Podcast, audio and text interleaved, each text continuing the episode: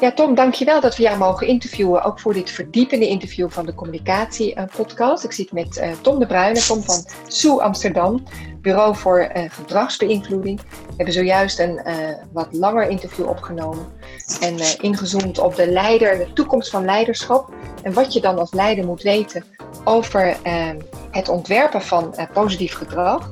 En nou, we zitten nu nog even wat na te praten. Nu gaat het eigenlijk vooral om een stukje verdieping voor mensen die meer uit hun communicatie willen halen. Dan hebben we het over communicatieprofessionals, maar ook uh, nou ja, andere mensen die in hun vak, uh, in hun adviesvak uh, of in hun ondernemersvak communicatie inzetten. En mijn vraag aan jou is, Tom, ja, welke tips heb je voor ons in onze communicatie? Wat zouden we eigenlijk moeten weten over gedragsbeïnvloeding als we ja. het hebben over communicatie? Kijk, ik denk een eerste ding dat ik er wil uitlichten is dat, dat naar mijn gevoel de um, behavioral design, gedragsontwerp of de persuasie, het inzetten van persuasieve technieken om je communicatie te verbeteren, dat, dat het idee dat erover bestaat, dat dat eigenlijk samenvalt met al die technieken, die, ja, die trucjes die Booking.com bijvoorbeeld, uh, waar Booking.com meester in is, om je uiteindelijk tot, tot, tot je, je honger om tot aankoop te komen, om die te boosten.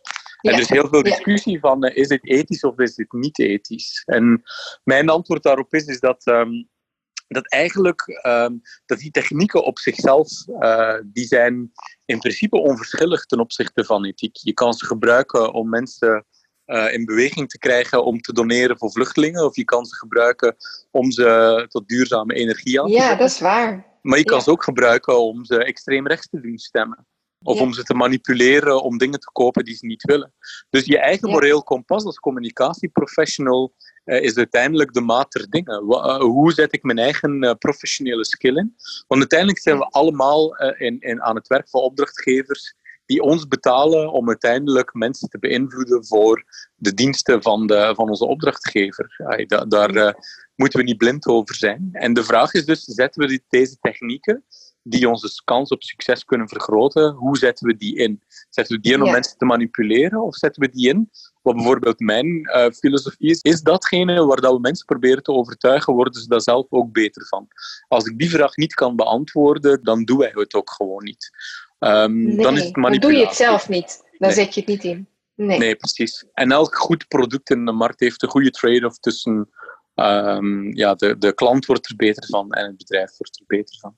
Maar dat is dus dat is één benadering. Een andere is meer um, één benadering althans op, en naar mijn gevoel een beperkte benadering op hoe kan, hoe kan ik psychologie inzetten om tot betere communicatie te komen. Een tweede is eigenlijk um, is veel meer wat, wat onder de noemer uh, klantgericht denken valt. En ik zie, ik zie dat er heel veel um, geschreven wordt en gedacht wordt rond de klant centraal zetten.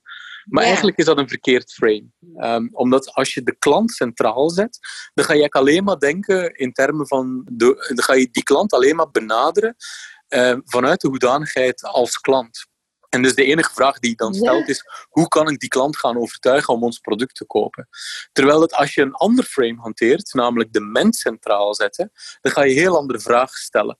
Dan ga je bijvoorbeeld vragen stellen van oké, okay, wat heeft die persoon nodig om succesvol te zijn? Wat zijn zijn grotere dromen en doelen? Hoe kunnen wij helpen om die te realiseren? Waar zijn pijnpunten en frustraties in zijn huidige leven waar wij misschien een antwoord op weten? Welke uh, angsten, twijfels en onzekerheden heeft hij over een bepaald nieuw gedrag die wij kunnen helpen om die, om die overheen te stappen?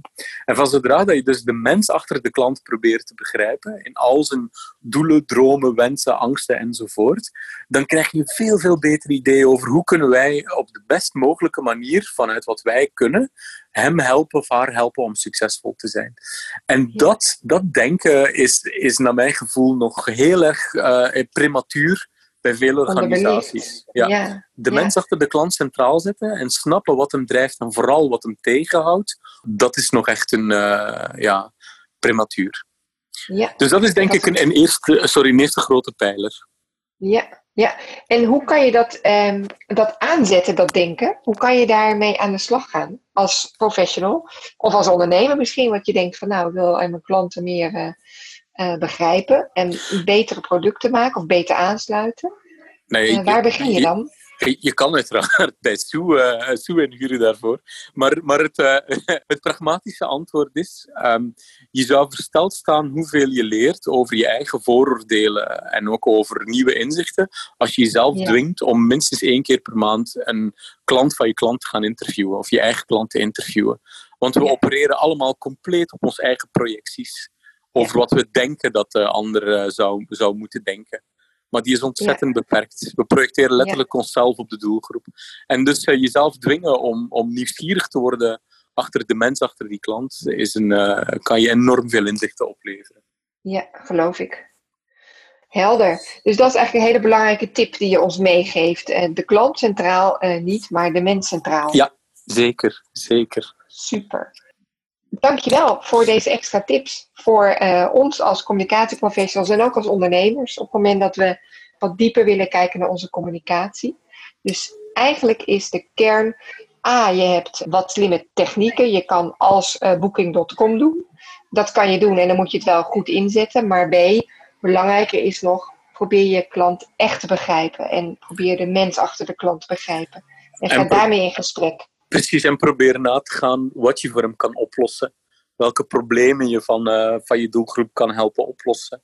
Dat is ja. uiteindelijk een, een uh, goede markt, is niets anders dan een echt probleem die om oplossingen smeekt. Prachtig, hartstikke leuk. Dankjewel voor deze aanvullende info, Tom.